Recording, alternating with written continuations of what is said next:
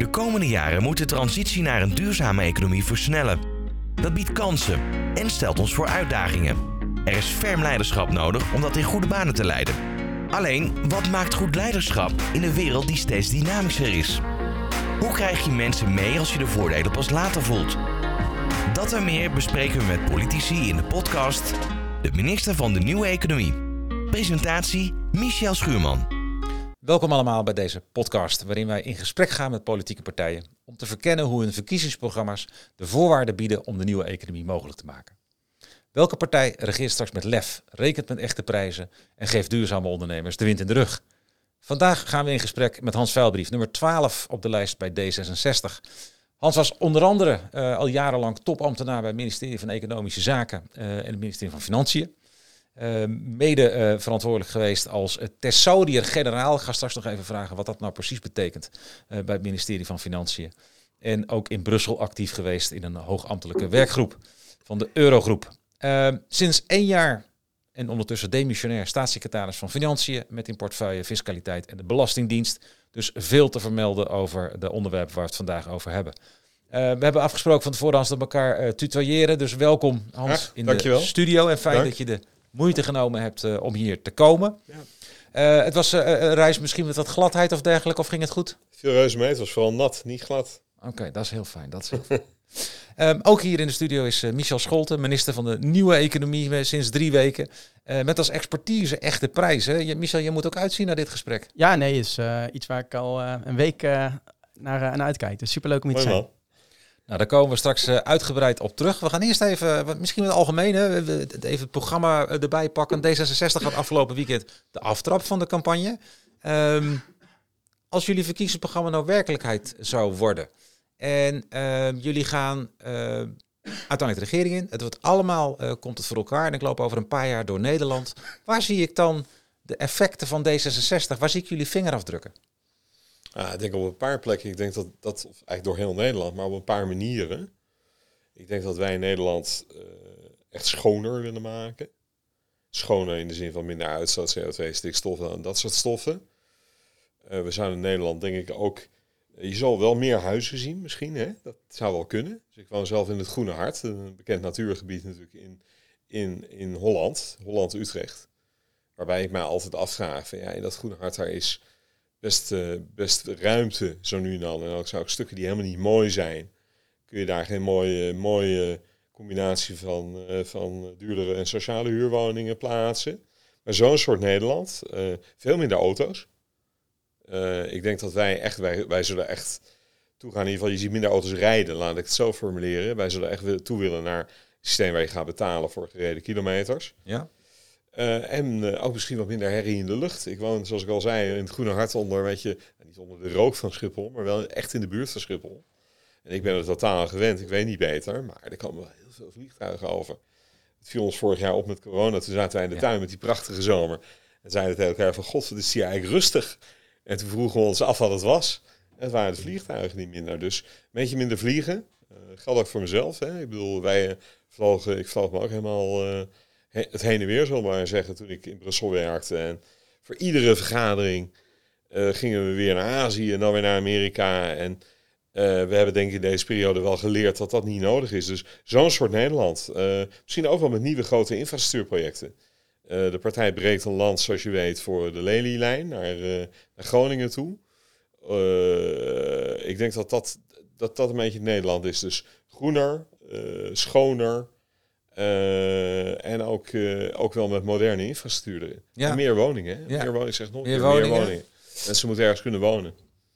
In het verleden zou, als iemand iets zei over D66 vingerafdruk, altijd ook iets van onderwijs en jongeren benoemd zijn. Zijn nu de, vooral de groene thema's die ik je hoor noemen? Ja, maar je vroeg net, als je, hoe kijk je naar Nederland? Dus je loopt door Nederland heen. Ja, dat is wel een goede van je hoor. Ik bedoel, ik, ik, ik rij iedere dag langs, mijn, uh, langs de school waar mijn kinderen hebben gezeten, 20 jaar geleden, de lagere school, de basisschool. En wat daar opvalt is dat die schoolgebouwen, ik weet niet of jullie dat ook hebben, ik ben 57, maar die schoolgebouwen zien er eigenlijk gewoon hetzelfde uit als toen ik uh, acht was.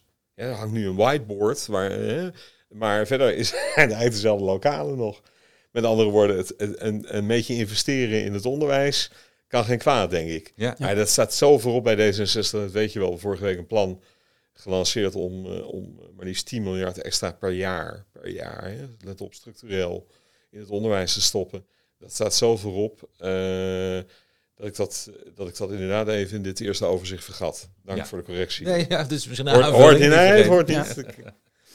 Ja. um, ja, er is, er is, en ook dat werd eigenlijk door uh, jullie voorvrouw Sigrid Kaag natuurlijk ja. van het weekend wel gezegd. Best wel een, een stevige kloof tussen wat er moet gebeuren vanuit het oogpunt van wetenschap, rondom bijvoorbeeld stikstof, klimaat, wat je net noemde, grondstoffen. Uh, en een maatschappelijk draagvlak was er is voor sommige zaken. En ik, ik begreep uit een interview met mevrouw Kaag dat ze zei: ja, een beter milieu. Het begint niet alleen bij jezelf, maar ook bij politieke actie en overheidsingrijpen. Als sociaal-liberale partijen best een stevige uitspraak. Zeker. Tegelijkertijd ook vanuit NVO Nederland, vanuit de duurzame ondernemers, zeggen we ja, de overheid moet echt wat meer lef gaan tonen. Um, stel toch weer even straks die onderhandelingstafel. Er zijn coalitiegesprekken gaan. Dus kijk nu naar de peilingen. Is het best wel denkbaar dat je dan met, met VVD, CDA in gesprek bent. Ja. Uh, waar zetten jullie dan op in? Ja, ik denk, ik denk, um, ik denk dat wij, wij, ik denk jij een heel belangrijk punt eigenlijk aanhaalt. Dan ik even, even na te denken. Pak even pauze. Het allerbelangrijkste is misschien nu wel dat je kunt creëren een vorm van basis of draagvlak in de maatschappij die ervoor zorgt dat mensen niet afhaken bij de gedachten die wij allemaal hebben. Dus wij zijn het hier aan tafel natuurlijk globaal wel eens. En, dat wereldbeeld, dat Nederlandbeeld wat ik net gaf, dan zeg je van ja, dat willen wij ook wel. Maar er zijn natuurlijk ook mensen die in zo'n wereld in hun ogen de rekening betalen voor die wereld. En als nou één ding ons geleerd heeft de afgelopen tien jaar, hè, als nou één ding de opkomst van Trump en Brexit in Engeland en alle dingen die gebeurd zijn, als ons nou één ding geleerd heeft is, zorg nou dat je mensen daarbij bindt, dat je mensen meeneemt. En dat is uh, de, de metaboodschap van Sigrid Kaag en van D66 op dit moment, en ook van mijzelf, is steeds weer probeer nou mensen te binden, te verbinden aan zo'n idee. En probeer het niet af te dwingen alleen maar omdat het wetenschappelijk aangetoond is of omdat het beter is voor iedereen en dat weet je toch. Die methode werkt niet. En nu ga je aan me vragen, hoe doe je dat dan? Want dat is, de one million dollar question. En het antwoord is, dat weet ik niet precies. Daar moet je heel hard aan werken. Je moet heel hard werken om te proberen om uh, die mensen mee te krijgen. Trump won de verkiezingen natuurlijk niet door super uh, staten van de Democraten af te pakken. Hij won de verkiezingen op de staten waar die altijd een beetje kantelen. En die toen kantelden omdat die mensen die Clinton daarvoor deplorables had genoemd, afhaakten. Ja. En zeiden, oké, nee, maar dan gaan we voor die man stemmen, want die zegt eens een keer wat anders. Nou, dat moeten we in Nederland in alle opzichten proberen te vermijden. Uh, omdat we dan een maatschappij krijgen die ik niet fijn vind, en jullie ook denk ik niet fijn vinden om in te wonen. En dat betekent dat daar hoort dus bij, als overheid, dat daar gaat concreet proberen te maken, daar hoort bij voorbeeldgedrag op allerlei gebieden. Dus lef ja, hè, uh, doet dit kabinet al, laten we eerlijk zijn. Dit kabinet is eerste kabinet in jaren wat het aandurft om een groeifonds op te zetten om te investeren in de toekomst, gericht te investeren in de toekomst. In Nederland echt jarenlang een taboe geweest. Kan groener misschien, hè? ik bedoel, onder onze invloed kan het misschien in het regeerakkoord nog groener gemaakt worden of nog kennisintensiever. Maar het is dus een kwestie van doelen zetten, visie en tegelijkertijd mensen meenemen. En je hebt helemaal gelijk, dat gaat een beetje weg van, laten we zeggen, Veronica-liberalisme, zoals ik het al eerder heb genoemd. Van, uh, nou ja, het begint bij jezelf. Als je dat plastic zakje niet wil weggooien, nou, dan doe je dat niet in de plastic bak.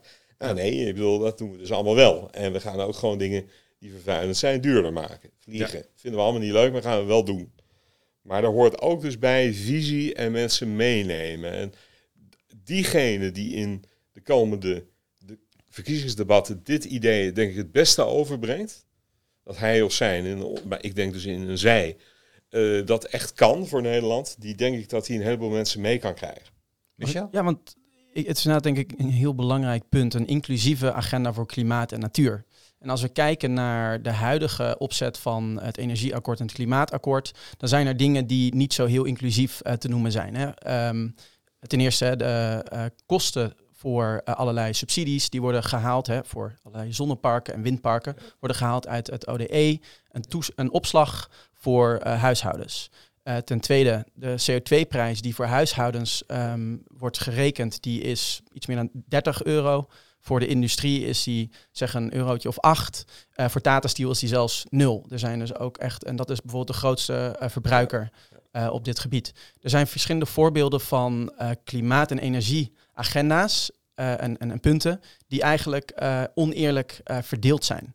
Ja. En um, ja, dat is iets wat denk ik zou moeten worden geadresseerd als je echt een inclusieve agenda wil hebben. Dan, voordat ik u de vraag stel hoe u dat wil gaan doen, wil ik nog even stilstaan bij wat moties. En een van de motie moties die ik in het verleden heb gezien.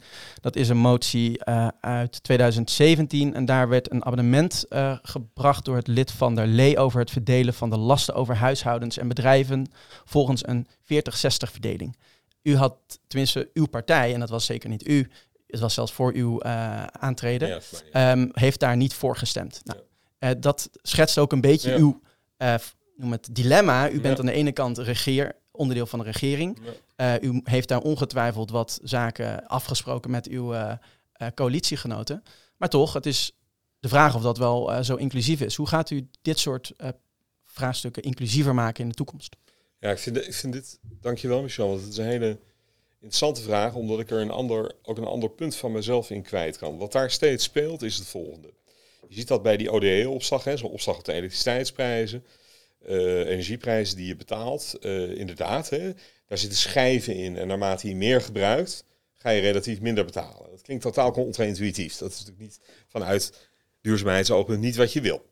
Maar waarom doen we dat? Dat doen we omdat degenen die een heleboel betalen, meestal industrieën zijn die in concurrentie zijn met andere landen. He, dat, he, de grote slurpers, Tata, we kennen allemaal de voorbeelden.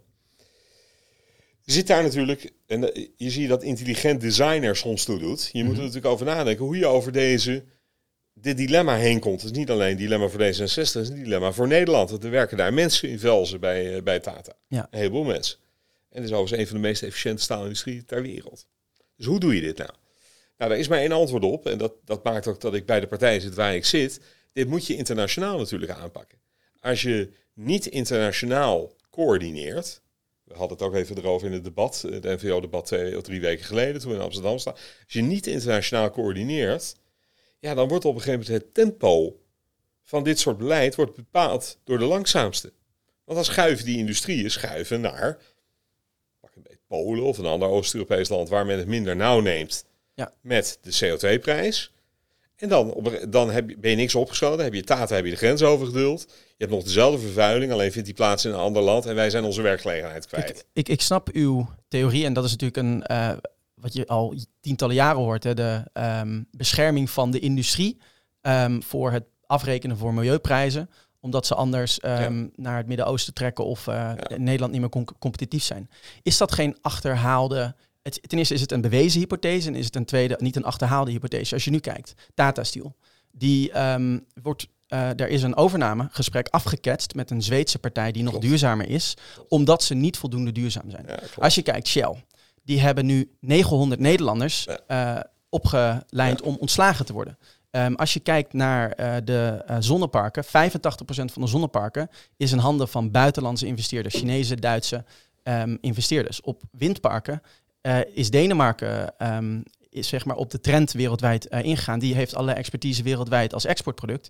Nederland die um, heeft de kruimels, maar niet de taart. Ja, klopt, ik, ik vraag me af, is dat ja, niet een achterhaald ik, uh, hobbyverhaal waar u voor midden, valt? Ja, maar ik zat nog midden in de redenering. Uh, toen je dit zei. Mijn redenering is dus, je moet... Je eerste stap die je moet maken, dus de eerste stap die een volgend kabinet moet maken, is wanneer zij uh, zwaarder wil inzetten op de prijzen betekent het zwaarder internationaal samenwerken. Het een kan niet zonder het ander. Omdat anders altijd die coalitie van de achterblijvers je zal terugduwen naar het laagste niveau, als je begrijpt wat ik bedoel. Ja. Dus om jouw probleem te voorkomen, dus jouw probleem is in feite, Michel, dat jij zegt, ja, maar ho, als je daarop wacht, dan, dan, word je, dan, hè, dan raak je tempo kwijt. Dus jij maakt precies het punt wat ik ook ma maak. Alleen mijn oplossing is niet om dan te zeggen, wij gaan blind als Nederland dit doen. Nee, je eerste stap die je moet nemen is dat je tegen elkaar zegt. En nu komt iets belangrijks, iets groots. Dat klinkt klein, maar voor de luisteraar, dit is groot. Je moet tegen elkaar durven zeggen dat je je veto op afspraken in Brussel op dit terrein opgeeft. Helder. Niet omdat je je eigen veto kwijt wil, maar omdat je niet wil dat de Hongaren of de Polen of wie dan ook met veel vervuilende industrie Mhm. tegen ons zeggen, ja, maar dit kan niet, want ja, nee, dat willen wij niet samenwerken. Eh, Dus dat is één. Dat is één. Mag ik daar heel even, op- Ja. heel even inhaken? Eh, want ik ben geen eurospecialist, maar voor zover ik het weet, is om dat veto van tafel te krijgen, is een unanieme uitspraak nodig. Klopt dat? Ja, dat klopt. Dat, daar moet iedereen mee eens zijn. Ja. Maar dat, dat wil nog niet zeggen. Nee, maar dit, jongens, dit is, ik, heb, ik heb jaren daar gewerkt. Die tent ken ik echt heel goed daar. Eh, de Brusselse tent, de Brusselse toko, waar we allemaal onder een soort afdak zitten met elkaar. Zitten we te onderhandelen. Wat je daar moet doen, is leiderschap tonen. Je moet daar met je vuist op tafel staan en zeggen: Wij willen. Vliegtax, laten we die dan ook maar weer nemen. Vliegtax. Wij willen dat kerosine belast wordt in Europa.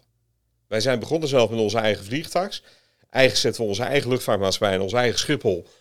Duwen we een klein beetje naar achter. 7,50 euro, stelt niks voor. Maar goed, hè, we, doen, we doen dat toch. Andere landen doen dat ook. Maar je moet met elkaar willen, samen willen werken om accijns. Hetzelfde geldt bij die CO2. Dus terug naar jou. Want zo begon het, hè, die schijven in de ODE. Als je echt wil hè, dat CDA en VVD en alle andere krachten die staan voor de behoudende krachten in Nederland meegaan met het idee. Eerst de eerste trein naar Brussel. Niet met de auto, met de trein. Naar Brussel, met de Thalys naar Brussel. En daar gaan pleiten om te zorgen dat je level playing field houdt in Europa. Ik, ik snap dat u dat zegt en eh, dat hoor je veel. En nogmaals, ik vraag me af in hoeverre is dat ehm, een lobbyverhaal van een paar eh, multinationals die daar eh, natuurlijk voordeel bij halen. Want ja, op korte termijn rendeert het. Hè? En dat zijn bestuurders die daar dan hun bonussen voor binnenhalen. En ja, over vijf jaar zijn die bestuurders toch weg. Die aandeelhouders die kijken ook naar het korte termijn rendement. Maar je ziet dus dat dat mechanisme een beetje op losse schroeven staat. Wat ik net eh, schetste. Die, die, die, die banen die verdwijnen Ja. in die industrieën. Die Maar de- industrieën die Ja, eh, maar hier, ben ik, hier, ben ik het met je, hier ben ik het overigens met je eens. Hè. Er, is dus, er zijn een paar. Maar ik, ik probeerde een, een, zeg maar een uitweg uit het dilemma te geven. Maar ik ben u, het, zegt we gaan naar Europa. ik ben Mag het, maar ik ben het overigens met je eens. Ik ben het overigens met je eens. Dat je in Nederland al ziet, en trouwens ook in andere landen, Mhm. dat natuurlijk, laten we zeggen, de, de kracht van, van de oude industrie aan het afnemen is. Ja, dat is simpelweg gewoon omdat er steeds minder werken en het steeds minder belangrijk wordt. Maar ja, je moet tegelijkertijd, kijk uit hè. We hadden het net over men- inclusief mensen meenemen. In die oude industrieën, bij Tata en bij Shell werken wel veel mensen. Ja, maar Dus die, daar, als ja. je daar te simpel zegt, nou ja, goed, je, maar je zou toch kunnen zeggen, die 900 man die hadden tien jaar geleden al moeten worden omgeschoold. Of even, eh, niet letterlijk, maar we hadden tien jaar geleden, en nu lopen we natuurlijk achter de feiten aan, moeten omscholen, Ja, zodat nu niet één op de drie vacatures in duurzame energie open staat. En we zijn dus niet klaar, maar dat Nou, is wel denk gelijk, ik... je hebt gelijk, je- maar dit is, dit is gebeurd. Bygones are bygones. Hier kunnen we niks meer aan doen. Hetzelfde geldt bij die windindustrie. Je gaf net even tussen neus en lippen door dat Deense voorbeeld van die windindustrie. Ja. There, was, there once was a time, Ja, lang geleden, dat wij voorop liepen in de windindustrie. En dat hebben we laten verlopen. Helder. Hè, toen ik directeur-generaal energie was in 2010, was dit al zo. Ja. Dan waren we daar het voor, de voorsprongen al kwijt. Ja. Hè, dat hebben we zelf gedaan. Ja, ja, ja. Dus je, je, je hebt helemaal gelijk. Maar ik, ik, ik kan slechts als praktiserend politicus handelen van waar ik nu sta. Ja. Ja. Hè? En waar ik nu sta zeg ik dus, als je dit wil, als je dit wil, naar Brussel toe. En gaan werken om te zorgen dat we dit samen met elkaar als Europa gaan doen. Mag ik daar, want specifiek Ja. op dat punt van Brussel, want ook dat, ik bedoel, eh, ik, ik wil het scherp maken wat ehm, de beste weg is. Hè? En niet halve maatregelen, we hebben geen luxe meer voor halve maatregelen. We moeten echt ehm, gewoon het in één keer goed doen de Ja. komende vier jaar. En eh, wat we gisteren gehoord hebben, of eergisteren gehoord hebben van Kaag, wauw, afschaffen bio-industrie, geen fossiele eh, subsidies meer. Ehm, echt een enorme, ehm, veelbelovend programma voor het verduurzamen van Nederland. Dat geeft heel veel ehm, vertrouwen.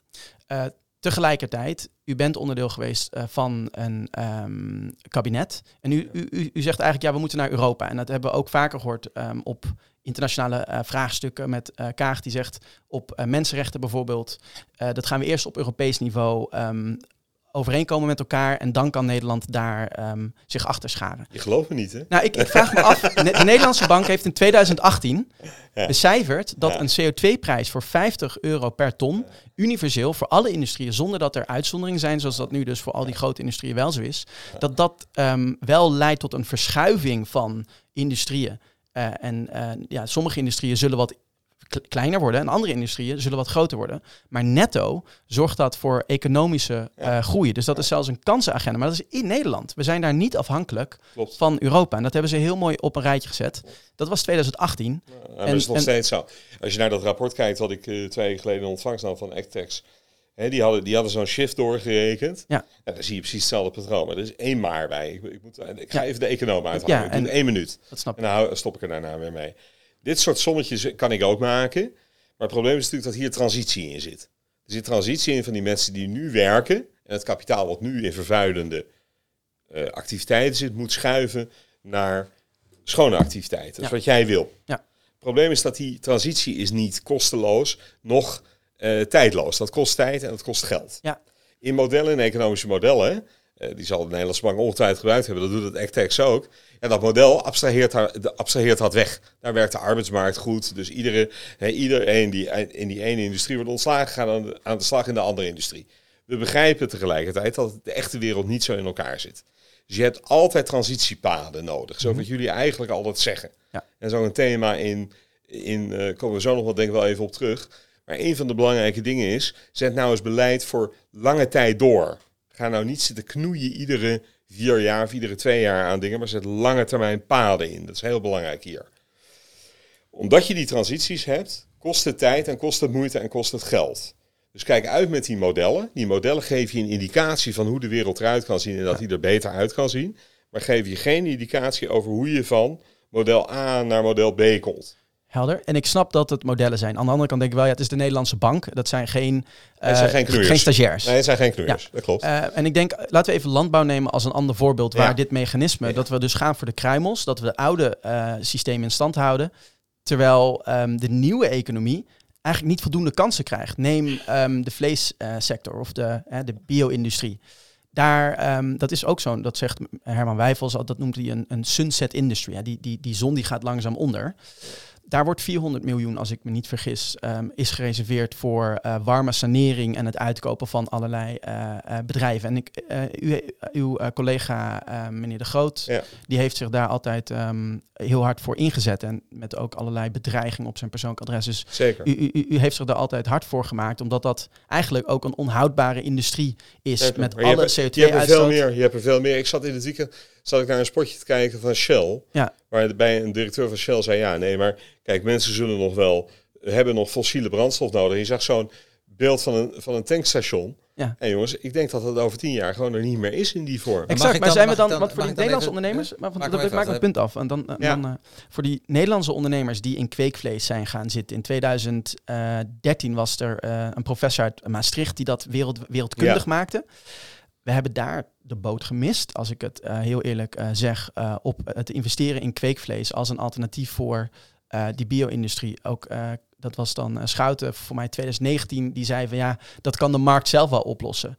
Daar is voldoende ondernemerschap. Heel veel duurzame ondernemers en ook leden van MVO Nederland zien eigenlijk dat zij ja, kleine RWO-subsidies, moeilijke trajecten krijgen om ja, hun innovaties te laten opschalen. Tegelijkertijd zien ze dat er honderden miljoenen gaan naar oude industrie om ze uit te verkopen. Of om, om ze uit te kopen. Ik denk van, gaan we voldoende om met eh, de middelen, slim om met de middelen, om de nieuwe ondernemers te ondersteunen bij hun innovaties. En ehm, verbranden we het niet eigenlijk aan de oude economie? Zal ik hier nog kort antwoord op geven? Eh, Ja. Ik denk dat het antwoord, korte antwoord is, je hebt gelijk, dat doen we niet goed. Maar je ziet bij ons in het programma, zie je ook dat wij dus om een aantal van dat soort activiteiten, dus wij zeggen, eh, voer een vleestaks in. Dat is eigenlijk een, een vrij eenvoudige methode. Eh, voer een suikertax in. Dus je kunt gewoon een aantal dingen kun je vrij makkelijk doen. Ja. En die zijn in de uitvoering, zei de staatssecretaris van Financiën, zijn in de uitvoering niet altijd even makkelijk, kan ik je vertellen. Maar je moet die, die dingen moet je natuurlijk wel doen. En daarbij is je fiscale systeem, zeg ik dan toch nog maar even eh, heel kort erbij. Fiscaal, dus gewoon heffen hè, waar je kunt, is vaak heel effectief. Ja. Want dat, dat, dat is ook waar jij op doelt. Gooi daar maar gewoon een heffing op. Ik bedoel, dat werkt al. Ja, dan komen we zo op terug. Want we hebben zeker dat thema eh, belastingen nog op de agenda staan. Ik wil nog één ding tot slot van Ja. dit punt. De overheid met lef. Er werd even een paar keer door u ook al genoemd. En we hebben een langer termijn perspectief nodig. En als het gaat over transities, dan heb je ook zo'n tussenfase waarin het, ik zeg maar even mijn woorden, wat rommelig wordt. Maar met de kennis van nu en, en, en als politicus regeren vanaf nu, eh, kijk ik naar het Nationaal eh, Groeifonds. En dan zie ik daar eigenlijk een denklijn in staan die onder andere zegt om te kunnen investeren in duurzaamheid. Moet ons verdienmodel van Nederland overeind blijven en dus hebben we een groeifonds nodig. gaan we investeren in groeisectoren en met de opbrengsten daarvan kunnen we onder andere de kosten van transitie rondom duurzaamheid betalen. Van het NV Nederland hebben we eerder gesteld. Ja, is eigenlijk een beetje paard achter de wagen spannen, want je wil juist dat groeifonds richten op die verduurzaming. En toch, ja, u zat in het kabinet de afgelopen periode. Hoe komt dat tot stand en hoe zou u dat bij een, volgend kabinet anders doen? volgens mij, maar uh, dacht ik, uh, maar ik, dit, is, dit is collega Hoekstra die dit doet. niet om het af te schuiven, maar die doet dit. En ik dacht juist dat onder invloed van de Tweede en Eerste Kamer beeld juist gedraaid is en dat men meer is gaan draaien naar nee, we moeten investeren in die sectoren van de toekomst. Dat was onder andere mijn eigen partij die dat vond en andere partijen in de Kamer die dat vonden. Dus dat een beetje als correctie op het beeld. En de tweede, ik, ik ben ik het eigenlijk volmondig met je eens. Het is eigenlijk heel, het is raar om een groeifonds op te zetten, want dan doe je net alsof duurzaamheid alles kan, alles een duurzaam, nee, maar dat niet alleen, maar je doet net alsof duurzaamheid een vorm, een kostenpost is. Ook dat. Dat is, dat is wat jou irriteert uit in nou, de essentie twee dingen. De, de, kostenpost en het feit dat in ieder geval, zoals het nog steeds op papier staat, je feitelijk het groeifonds voor allerlei manieren in kunt zetten die maar leiden tot groei, waarmee de schatkist gevuld wordt. Terwijl er geen criteria, of nauwelijks criteria hebben nu staan dat die groei wel toekomstbestendig moet zijn. Dat je niet in stranded assets, om maar even de vraag Maar ik ga, er, ik ga er, dit, hier ben ik het dus totaal mee eens. Ik ga even tegenhangen. Aan de andere kant is het voor, laat maar zeggen, de, de groene en de duurzame deel van, van de politiek ook wel belangrijk om je te blijven realiseren dat je wel moet investeren in dingen waar je uiteindelijk wel geld mee gaat verdienen. er zit, Je moet niet gemakzuchtig zijn in de zin dat je, uh, dat je makkelijk denkt over, over geld. Uh, en over geld hebben om uit te geven aan de collectieve sector. Want zo'n dingetje wat, wat je nu natuurlijk ziet, doordat we uit die coronacrisis komen, waar we zoveel geld hebben uitgegeven om de economie uh, te laten leven. Dat hebben we, denk ik, uh, met heel veel, over lef gesproken, met heel veel lef gedaan. Ja, dat is heel verstandig geweest. Hebben we natuurlijk een beetje in ons hoofd nu zitten dat verdelen eigenlijk belangrijker is dan verdienen. Ik was vorige week bij Hans Biesheuvel van Ondernemend Nederland. Ja. En die heeft, die heeft, die heeft zo'n pamflet van eerst verdienen voordat je het kunt uitgeven. En toen dacht ik, ja, dat, dat, dus als je in dat groeifonds dat verdienen en dat uitgeven kunt combineren met je doelen. Nou ja, bij uitstek, hè, mijn partij weer groen. En bijvoorbeeld in, in, in innovatie en onderwijs veel investeren. Dan doe je het volgens mij goed. Ja. Je doet het niet goed als je, hoorde sommige partijen in de Tweede Kamer wel zeggen, nou laten we dat groeifonds nou niet doen en dan, gooi, dan spreiden we dat gewoon uit over de publieke sector. Dan geven we het daar gewoon aan, aan, uit. Ja, ja dat, is, maar de vraag of dat natuurlijk een verstandige investering is. Ja, ja. ja voor, voor deel, en natuurlijk geldt daar ook weer het punt van, als je, en dan is weer een ander voorbeeld, dat is nog niet een, er is um, anderhalf miljard, uh, wordt er mogelijk, en dat is nog niet een garantie, besteed aan uh, carbon capture ja. voor ja. onder meer ExxonMobil en Shell.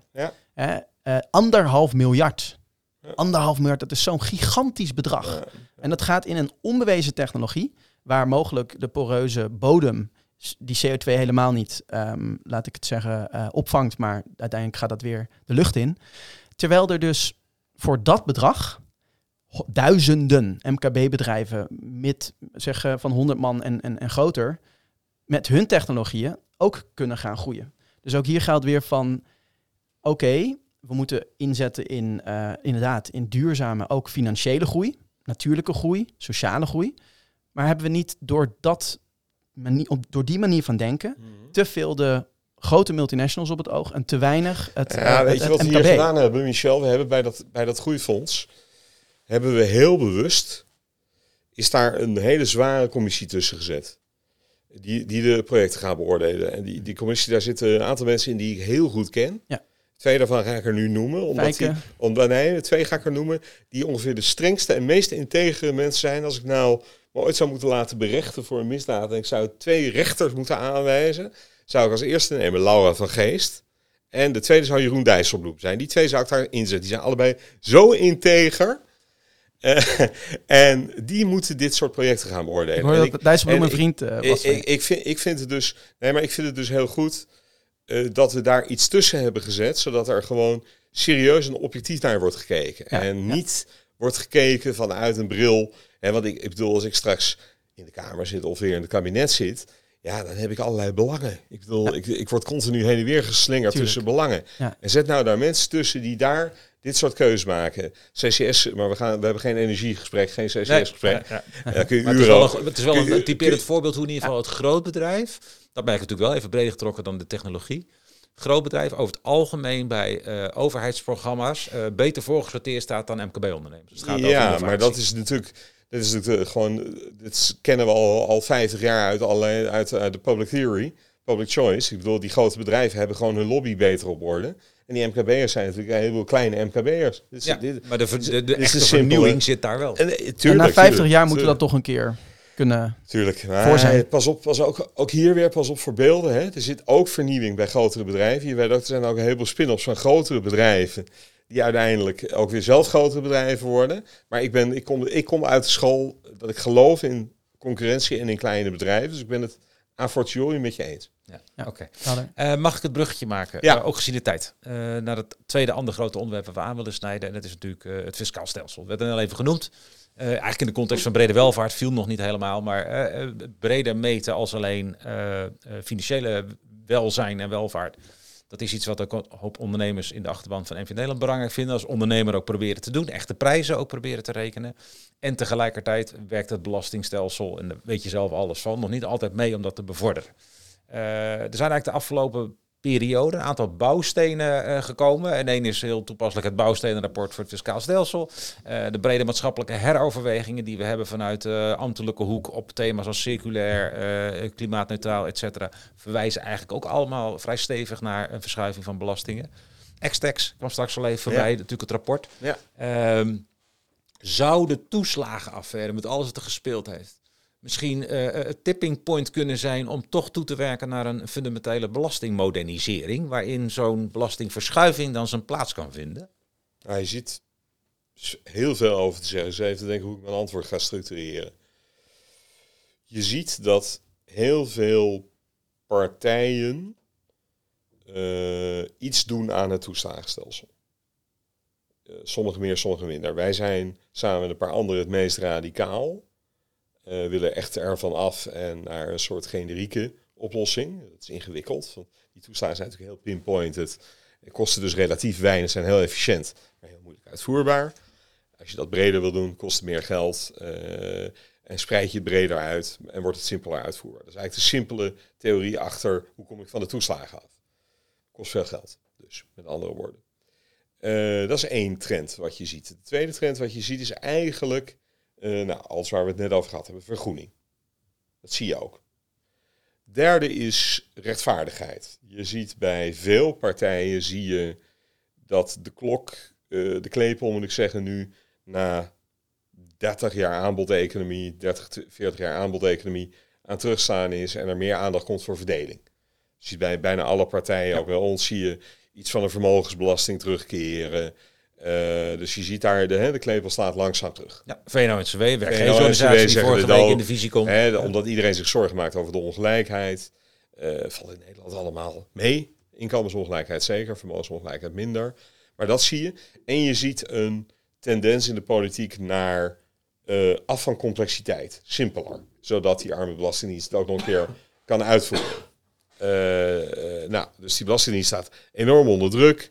Eh, hebben jullie ook allemaal kunnen, van mee kunnen genieten. Eh, mede door de toeslagaffaire. Mensen voelen zich in hun eer aangetast, hebben groot gelijk. Want ze, eh, 99% van die mensen doet daar uitstekend werk, heeft helemaal niks te maken daarmee. Maar toch, toch voelen ze zich aangetast. Nou, die, die, als je een handvol grote tendensen. En dat werkt in op dat belastingstelsel.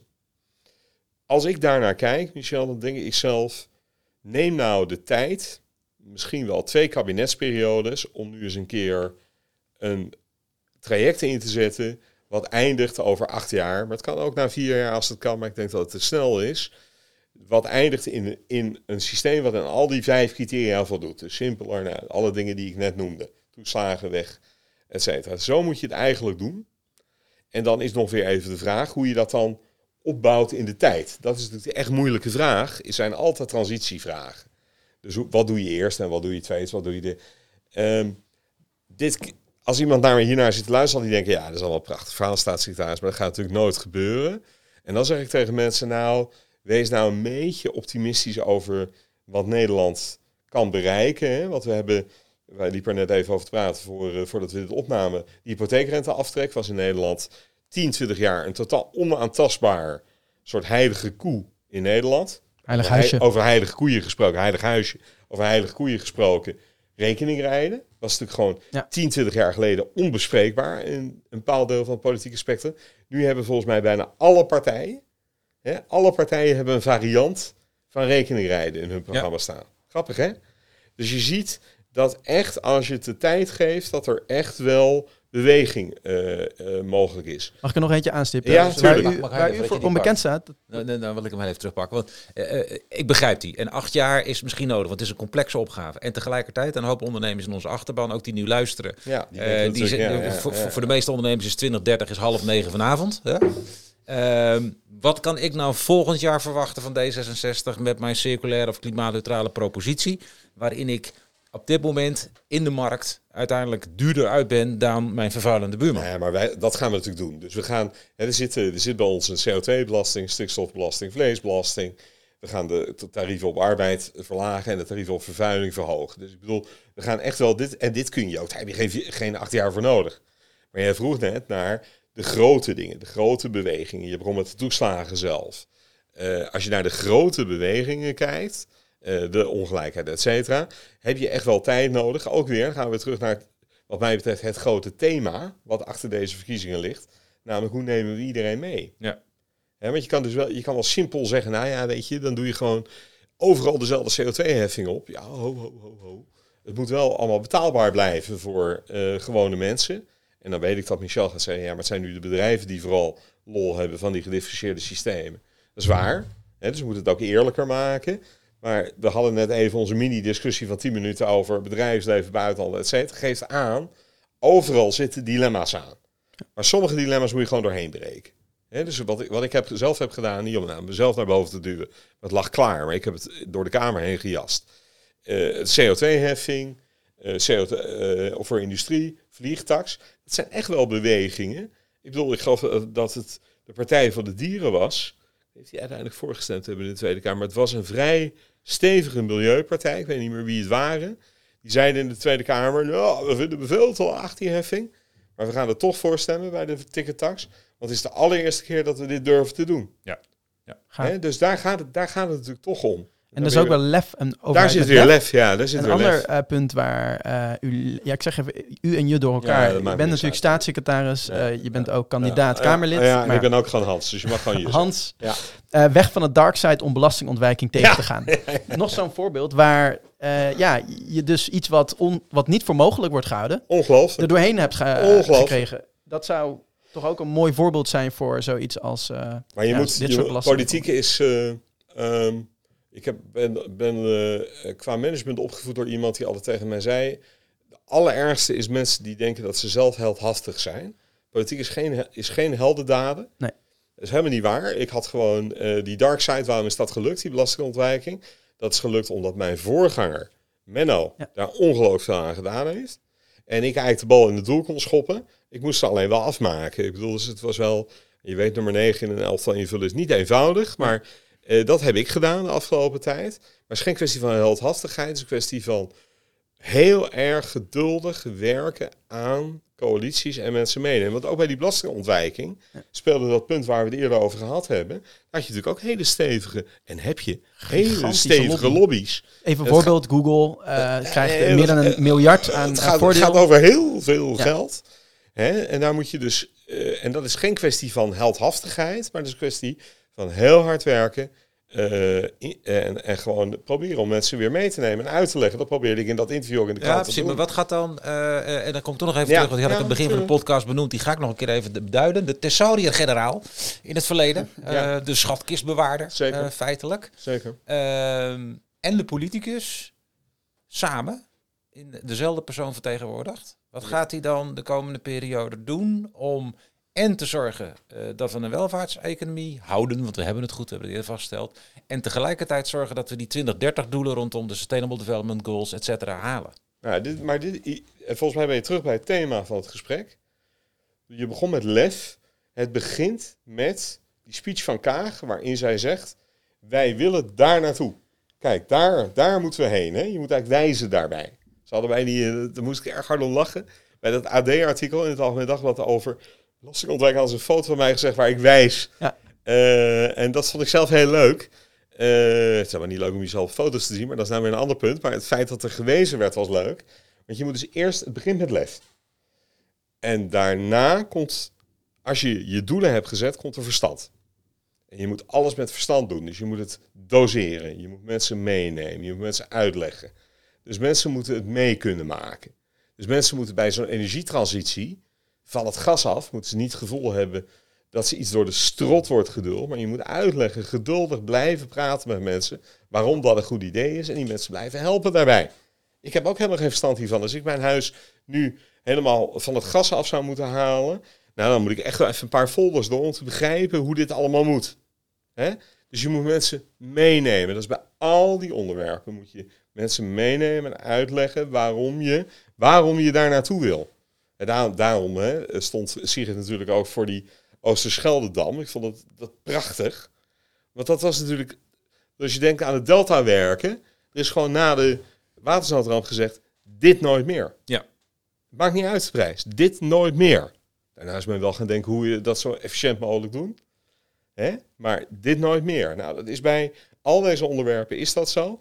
We gaan die kant op. Dus belastingontwijking hoort niet meer thuis op deze manier in Nederland. Daarom noemde ik het ook de dark side. Ja. Weg van de dark side.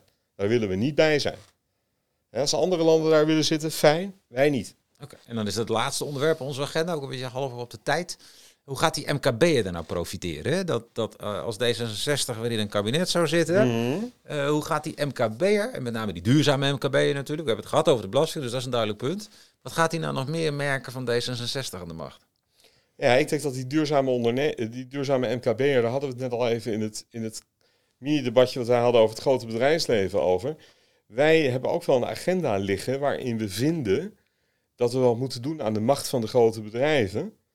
Om maar eens een voorbeeld te noemen, de techbedrijven, ja, die zijn natuurlijk oppermachtig. En daar moet echt wel wat aan gebeuren ook. Dat is overigens weer, helaas te moeten zeggen, vooral een internationale agenda. Eh, ze zijn heel machtig. Dus Maar er, is toch een tech-tax eh, voorstel en ook in andere landen. Zeker, er is, er is, er is de digitax al een aantal jaar in voorbereiding. Dat loopt via de OESO, via eh, de grote organisatie van geïndustrialiseerde landen in Parijs. Dat heeft een aantal jaren een beetje vastgezeten. En voor de luisteraar even, want het gaat er dus om dat eh, grote techbedrijven die kunnen hier omzet halen, hoeven hier geen belasting Precies. te betalen. Precies. Als ondernemer in Nederland moet je wel belasting betalen. En dat is Tuurlijk. natuurlijk heel Ja, erg heel. En dat Heel is raar. precies het punt van maar dat Michel. komt weer doordat dat belastingstelsel... En dat is ook weer geen... geen Mag ik die we kort houden, want eh, de belasting ja, dat komt zo. Nee, maar dat komt weer door... Nee, maar het- we gaan weer terug naar die MKB. Maar dat, komt, dat, dat is geen lelijkheid, maar dat komt omdat het belastingstelsel natuurlijk een, een, een bricks and mortar stelsel is, gebaseerd is op stenen gebouwen met machines erin en niet op dit soort. Waarom is dit belangrijk voor die MKB'er? Omdat je zou kunnen zeggen, Michel, als je het simpel maakt, als je kunt gaan heffen bij die grote platforms, bij die tech-platforms, kunnen de belastingen voor deze MKB'er kunnen omlaag. En daarom is het van Ja, belang. precies. En, en maar dan wil ik er ook toevoegen, zeker het, eh, het middensegment van het MKB. eh, eh, die, die konden in het verleden ook hun kennis en kunde ook eh, halen bij een aantal overheidsraketten. Ik noem een Sintens bijvoorbeeld. Dat is natuurlijk de afgelopen 10, 20 jaar eigenlijk allemaal verdwenen. De overheid is wat dat betreft een stuk versoberd. En nou zijn wij niet als een van Nederland voorstander van weer een grote overheid. Maar in ieder geval een bepaalde steun voor het MKB om op al die transities die nodig zijn. Niet alleen de duurzame, maar ook eh, veiligheid, digitalisering, eh, flexibilisering. Ja. Eh, hoe gaat hij in D66 zijn bondgenoot vinden? Nou ja, ik denk dat je, ik denk, je, je hebt twee, denk twee belangrijke dingen waar je de toegankelijkheid van de overheid voor de MKB moet vergroten. Hè. Dat is A op informatieterrein. MKB'ers moeten terecht kunnen voor informatie bij gemeentes. En RVO Nederland moet natuurlijk, hè, dat is de opvolger Rijks, Rijksdienst voor Ondernemend Nederland, moet natuurlijk bereikbaar zijn voor MKB'ers. Je hebt hartstikke gelijk. En als dat niet goed is nu, hè, vroeger had je inderdaad Sintets, in mijn tijd ook nog toen we economische zaken werkten, dan moet je dat, moet je dat verbeteren. Maar ik denk toch voor MKB'ers uiteindelijk, toch even terug naar de omstandigheden waarin ze werken, zijn die belastingen belangrijk? Zijn, is het belangrijk dat zij op een, ook weer op een level playing field komen? Dat ze niet tegenover een groot bedrijf komen te staan die hè, oppermachtig is op die markt, waar je niet tegenaan kunt concurreren. Eh, het gaat overigens, hè, het is nu natuurlijk corona. Wij hebben natuurlijk best wel een sterke MKB in dit land. Hè. Het is niet zo dat wij, eh, wij een, een, een zwak MKB hadden voor Nee. corona. Een sterk ontwikkelde dienstensector. Veel kleinere bedrijven die ook toeleveren aan grotere bedrijven die weer op de wereldmarkt meededen. Dat was in Nederland best aardig, hebben we best aardig gedaan. En dat moet dus ook in die, in die nieuwe economie moet dat zo zijn. Ja, want we zien wel, uh, dan kom ik zo tot mijn laatste vraag, maar we zien wel recent onderzoek gedaan samen met de Raadbank onder andere, waarin uh, blijkt dat de coronacrisis dus wel een splijtswam aan het, uh, ja, er is een splijtswam aan het ontstaan eigenlijk door die coronacrisis, waarin de bedrijven die voorop lopen, dat zijn over het algemeen toch iets grotere bedrijven, ook in onze achterban, ja. die nemen de stap naar voren toe, daar ja. hebben we ook de ruimte voor, de middelen, de menskracht. En met name het middenbedrijf, kleinbedrijf, die, die valt nu terug. Die zegt, ja, eerst op orde. Ja, maar dit, dit herken ik heel erg. Maar dit is iets wat wij, ik, ik geloof dat we dit in vorig jaar maart, april tegen elkaar zeiden. Uh, namelijk, wat er hier gaat gebeuren is dat de zwakke punten, hè, uh, die, de zwakke punten die de Nederlandse economie heeft, komen nu naar boven. je zag het zo gebeuren, hè? ZZP'ers, enorm, ja. eigenlijk een hele dynamische groep. Maar een groep ook met heel weinig vet op de botten, waar de eerste die problemen kregen. We zagen dat bedrijven heel dun gefinancierd waren. Een thema wat ik vorig jaar nog aan de orde heb gesteld. Hè? Heel veel vreemd vermogen, weinig eigen vermogen. En dus vrij makkelijk, uh, en dat zal ook wel vooral bij MKB'ers geweest zijn, onvielen, om het maar zo te zeggen. Dus je ziet wel dat deze, deze coronatijd is een soort, ja, bijna een soort stresstest op het systeem. En dan komen de, hè, bij app komen de wrakken bovenaan precies wat er gebeurde. Dus die dingen kloppen. Dat heb je gezien. Ja. ja, dat heb je gezien. Ja, herken ik. Oké. Okay. Ik heb voor iedereen die bij ons aanschuift een uh, product uh, bij me. Ik heb hier uh, voor D66 was even zoeken. Ik heb, ik heb er al een tijd naar zitten kijken. Ja, ik heb hier was. twee producten. Ik heb hier een kaars ja, en ik heb hier een ledlampje. Ja. en um, dat staat natuurlijk voor de verbrandingsmotor en de elektrische motor. En dat is natuurlijk een thema waar de afgelopen Zeker. vier jaar veel op gedaan is. En dat is aan de ene kant bemoedigend omdat er ingezet is op elektrisch vervoer. Aan de andere kant, uh, wat je wel ook ziet, en dat is weer die vraag vaak, hebben we de luxe om halve oplossingen te omarmen? Voor elektrisch vervoer, daar wordt dan over gedacht dat dat duurzaam is, maar het is eigenlijk helemaal niet zo duurzaam. En we hebben daar ook uh, het onttrekken van lithium uit mijnen, ja. uh, koper, schaarse materialen. Die ketens zijn helemaal nog niet circulair. En um, daar is eigenlijk de vraag, even één kennisvraag, dus dat, omdat wij veel van dat soort um, onderzoeken doen. Wat zou er um, ongeveer de maatschappelijke kosten zijn van 1 euro investeren in een, uh, gemiddeld in de wereld in een verbrandingsauto ten opzichte van een elektrische auto? Dat is de eerste vraag. En de tweede vraag is, wat blijft er nog over bij die elektrische auto? Ik kan je al verklappen, het is inderdaad wel duurzamer als je alle maatschappelijke kosten meeneemt. Wat blijft er nog over? Dus de eerste vraag, als je investeert, 1 euro. Ik heb geen idee, joh. Ik heb geen idee. Ik ga, ik heb, altijd, ik, heb, ik heb in dit vak geleerd om niet te gokken als je het niet weet. Nee, helemaal helder. Ik ga niet gokken. Daar komen we ongeveer uit op een 4 cent voor een hè, per euro geïnvesteerd kapitaal. 4 cent aan maatschappelijke kosten. Dus op zich, en dat is voor een verbrandingsmotor, voor een elektrische motor is dat net iets meer dan, uh, of de, zeg maar rond, rond de 3 cent. Nou, en wat ik net al zei, er zitten dus nog, uh, het is wel een verbetering ten opzichte van verbranding, maar er zitten nog heel veel maatschappelijke kosten. En ik denk daar geldt ook weer de vraag van ja, hoe kunnen we nou zorgen dat we volledig circulair gaan? In plaats van een beetje. Uh, en dat we inderdaad niet voor de kleine stapjes gaan, maar echt voor het gelijk goed doen. Dus nou, dat was. nu heb ik een vraag aan jou. Wat blijft er dan vooral achter bij een elektrische auto? Het is niet circulair. Wat blijft er vooral achter? Daar heb je eigenlijk uh, workplace-related issues. Dus echt ja, mensenrechten schendingen. Yeah, uh, maar ook luchtvervuiling, air pollution. Denk bijvoorbeeld ook uh, dat rubber dat in de straten eigenlijk ja, toch voor hele kleine partikeltjes zorgt of deeltjes zorgt. Ook in de natuur uh, belandt. Dat is gewoon ja, banden. Um, maar ook grijze stroom toch. Hè? Heel veel van elektrisch net is nog steeds grijze stroom. Dus ja, dan heb je misschien het gevoel dat het duurzaam is, maar dat is het eigenlijk helemaal niet. Uh, en natuurlijk die schaarse materialen die ik net aanstipte. Want dit was, um, maar ja, ik geef bij de schaarse materialen, om nog een kennisvraag aan jou te stellen, dat er echt wel heel snelle vooruitgang wordt geboekt, bijvoorbeeld bij accu's. Hè? Ja, ja, maar goed, op deze schaal uh, van die transitiewereld mondiaal heb je nog steeds ja, gigantische uh, vergiftigingen van, van meren en uh, ja, het, het, enorme verlies van natuur ook. En nogmaals, we hebben niet meer de luxe om op een ja, halve oplossing in te zetten. Dus eigenlijk zou je naar een deelauto moeten in plaats van eigenaarschap van auto's, om een voorbeeld te noemen. Maar ook Nederlandse ondernemers zouden die deeloplossingen moeten kunnen gaan grootmaken. Hè? Dus dat je bij spreken op een Tesla een, een, een softwarepakketje installeert als Nederlandse zeg start-up waarmee een uh, eigenaarschap een deelauto wordt. Dat zijn voorbeelden van innovaties. daar gaan we denken we de komende vier jaar op moeten inzetten. Bij Michel zit streng naar ons te kijken, dus uh, begint Revenge, Ja, of, Revenge of the Nerds te eh, worden. dit. We gaan naar laatste vraag inluiden. Ehm, eh, die- man met die, die wijzende vinger, die staat er op die foto. En eh, we kijken dan even de vijf jaar in de, in de toekomst. En dan kijken we terug. Het is 2025. Eh, dit kabinet is geweest. Ehm, nummer 12 op de lijst, dus dat, dat komt helemaal goed. Die, die heeft Ja. een rol vervuld. Ja. Waar is hij nou het meest trots op? Jeetje, Mina, man. In 2025, waar ik, Ja. het, meest, nou, waar ik het meest trots op zou zijn, is. is eigenlijk een thema wat we vandaag geraakt hebben, maar niet helemaal eh, behandeld hebben. Omdat het heeft wel iets met inclusie, maar niet met duurzaamheid te maken. En dat is, ik vind dat we ehm, in, eigenlijk in de hele westerse wereld heel veel moeite moeten gaan doen om mensen mee te trekken. Daar hebben we het wel over gehad in ontwikkelingen, en, maar dit wordt preciezer. Ik denk dat wij onze, ons beeld van de, eh, van de landen waar iedereen een kans heeft om zich te ontwikkelen, langzamerhand aan het verliezen zijn. Daar maak ik me grote zorgen over. Dat is in Nederland eigenlijk nog mild, maar het, het mag niet zo zijn. Daar verzet alles zich tegen in mij, wat, wat sociaal-liberaal is, of progressief-liberaal. Dat het uitmaakt eh, waar je geboren wordt, of wie je vader en moeder zijn, of je moeders zijn, of je vaders zijn, eh, voor jouw ontwikkeling en waar je kunt eindigen. Ik geloof echt in een maatschappij waar iedereen eh, om maar het beeld te gebruiken, miljonair kan worden. als je de kans pakt die je krijgt. En waar we ook mensen, nou, een beetje bij D66 uit, waar je ook mensen niet laat liggen.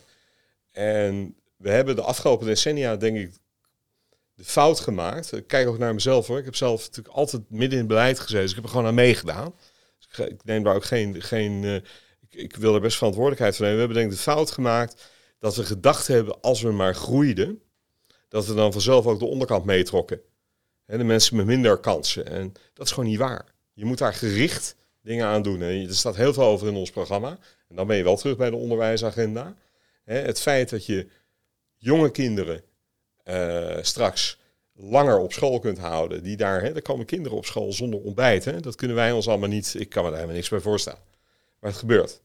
Eh, dat je die kinderen allemaal helpt om hun potentie hun volle, tot hun volle bloei te kunnen komen, dat zou ik het liefst achterlaten. En daar zit ik heel ver vanaf, want ik zit helemaal niet aan die kant van, het, van, van mijn, mijn, mijn competentie zit aan de, aan de geldkant en niet aan die kant. Maar als ik aan mijn kant kan bijdragen dat, dat die maatschappij ehm, weer enigszins meer terugkomt, dan zou ik daar heel trots op zijn. Eh, en dat is eigenlijk in andere landen, misschien in de Verenigde Staten en het Verenigd Koninkrijk, nog veel meer nodig dan in Nederland. Wij hebben eigenlijk een hele goede uitgangspositie hiervoor. Maar we moeten zorgen dat we het niet verliezen. Ja. Dit mag geen land worden waarin mensen, eh, hè, dat, dat mensen als je een bepaalde naam hebt of uit een bepaalde buurt komt of eh, je vader en moeder hebben gestudeerd, dat je meer kans krijgt op de universiteit. Zo'n land mag het niet zijn. Dit land moet het juiste land zijn waar die kindertjes uit die slechte buurten juist wel eh, staatssecretaris of minister kunnen worden. Ja, Een soort die kansen kunnen pakken die we allemaal Zo eh, is het. krijgen. Zo Dank is je wel daarvoor. Dank Dank. eh, voor het gesprek. Hans Veilbrief, Michel Scholten. Fijn om kennis te nemen van de agenda van D66. Eh, we hebben eerder vandaag een offerte overhandigd namens het netwerk van ondernemers de nieuwe economie. En we zien er naar uit om dat eh, na de verkiezingen te gaan verzilveren in een, in een opdracht. En daar komen we zeker eh, op terug met een contract. Dank voor het gesprek. Dankjewel, Fijne dag. Michel, Michel. Ja, ontzettend bedankt. Deze podcast is tot stand gekomen in samenwerking met het Platform voor Toekomstmakers, Change Inc. De minister van de Nieuwe Economie is een initiatief van MVO Nederland, de beweging van ondernemers in de nieuwe economie. Benieuwd naar wat MVO Nederland voor jou kan betekenen richting Politiek Den Haag? Je vindt het op www.mvonederland.nl.